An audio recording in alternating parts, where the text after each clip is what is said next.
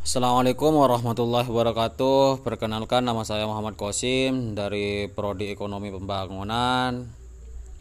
Pada kesempatan kali ini saya akan menjawab soal UTS yang keenam untuk apa itu? Menjawab yang pertama itu pertanyaannya tentang poin-poin penting dalam topik yang keenam dan juga saran dan membuat pertanyaan untuk topik yang keenam.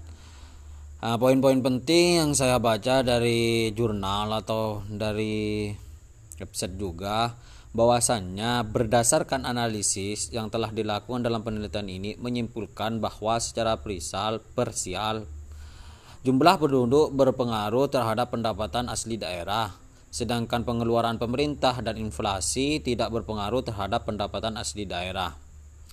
Sampel dalam penelitian ini hanya menggunakan satu kabupaten Boyolali sehingga hasil penelitian ini tak dapat digeneralisasi untuk jenis kabupaten atau kota yang lain. Dalam penelitian ini hanya terbatas menggunakan tiga variabel independen saja serta pengeluaran pemerintah, jumlah penduduk dan inflasi. Dalam penelitian ini hanya menggunakan periode 10 tahun karena kesulitan dalam mendapatkan data sehingga hasil yang diperoleh tidak dapat membuktikan hipotesis yang telah dikemukakan.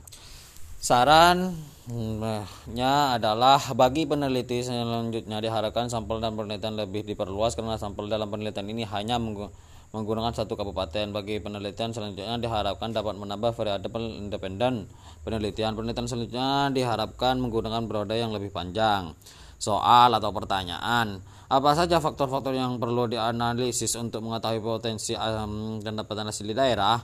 Dua, mengapa pendapatan setiap daerah berbeda? Tiga, apa saja faktor-faktor penyebab rendahnya pendapatan daerah?